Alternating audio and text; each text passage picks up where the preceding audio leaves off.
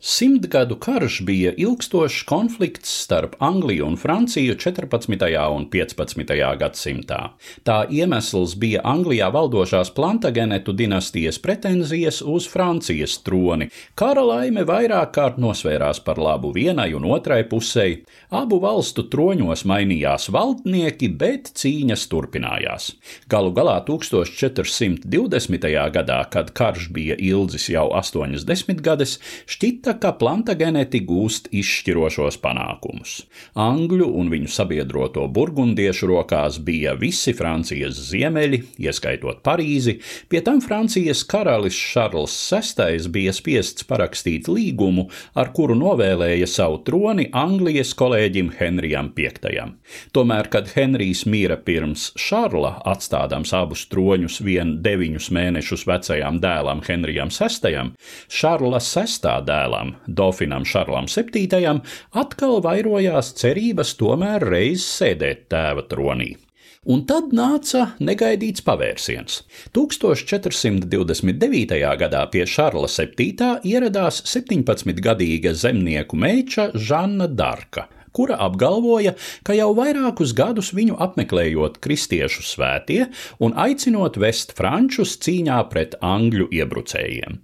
Meitenei izdevās pārliecināt karaļdēlu, kurš viņai atļāva pievienoties franču spēkiem, un tavu brīnumu, kaismīgās karotājas iedvesmoti, Franči svinēja uzvaru pie Orleānas. Sekoja citi militāri panākumi, un rezultātā Šarls VII varēja tikt kronēts par Francijas karali no Angļiem atgūtajā Reimsā. Tomēr pašas Žannas, tagad sauktas arī par Orleānas jaunavu liktenis, izrādījās nelaimīgs. 1430. gadā viņa sadursmes laikā krita burgundiešu gūstā, un tie viņu burtiskā nozīmē pārdeva angļiem. Pēdējie nolēma sarīkot inkvizīcijas paraugu prāvu. Ja izdotos pierādīt, ka Žanna ir ķecere vai vēl labāk piekopīja dievam pretīgas zintis, tas ļautu apšaubīt arī karaļa Šarla varas likumību.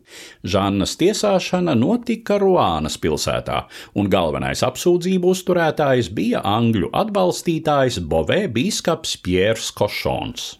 Lasīt nepratējai Žannai bija maz cerību cīkstiņā pret tiesātājiem, kuri izmantoja arī Parīzes Universitātes teologu resursus. Kaut atsevišķas tiesājamās atbildes bija pat pārsteidzoši pārdomātas un apliecināja dziļu un patiesu ticību, bet viņas līdzšinējā biogrāfijā pie labākās gribas nebija atrodamas nekādas liecības par burvestību piekopšanu. Žannas uzstājīgie apgalvojumi, ka viņu pastāvīgi uzrunājot svētie, tika kvalificēti kā ķecerības pierādījums. Prāvas finālā pēc visas spriežot, tiesātāji gluži nekrietni izmantoja Žannas neprasmi lasīt un citas cīniskas manipulācijas, un 1435. gada 30. maijā 19-gadīgā Žanna Darka tika sadedzināta uz sārta. Tomēr karalaime, kuru Žanna bija pavērsusi, tā arī palika franču un karaļa Šarla pusē. Kad angļu sakāve vairs neradīja šaubas, pienāca laiks arī pārskatīt Orleānas jaunavas spriedumu, lai kaut pēc nāves atbrīvotu viņu no ķecerības apsūdzībām.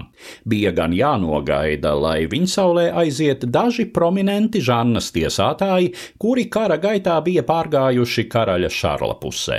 Galu galā 1455. gadā Francijas lielinkvizītora Žana Breāla vadībā tika uzsākta lietas pārskatīšana.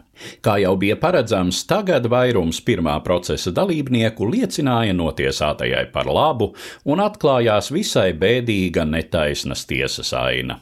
Spriedums pārskatīšanas lietā tika pasludināts 1456. gada 7. jūlijā, un ar to Žanna Darka tika attaisnota visās apsūdzībās. Savukārt par ķeceri tika pasludināts tolaik jau krietni pasen mirušais galvenais apsūdzētājs bīskaps Košons. Nākamajā gadā ar pāvesta lēmumu viņu izslēgta izslēdza no baznīcas. Košona kapavieta tika nolīdzināta līdz ar zemi, neviens cits no soģiem gan netika saukts pie atbildības. Un nepilnus piecus gadsimtus vēlāk, 1920. gadā, pāvests Benedikts XV. iecēla Žannu Darku katoļu baznīcas svēto kārtā. Stāstīja Eduards Liniņš.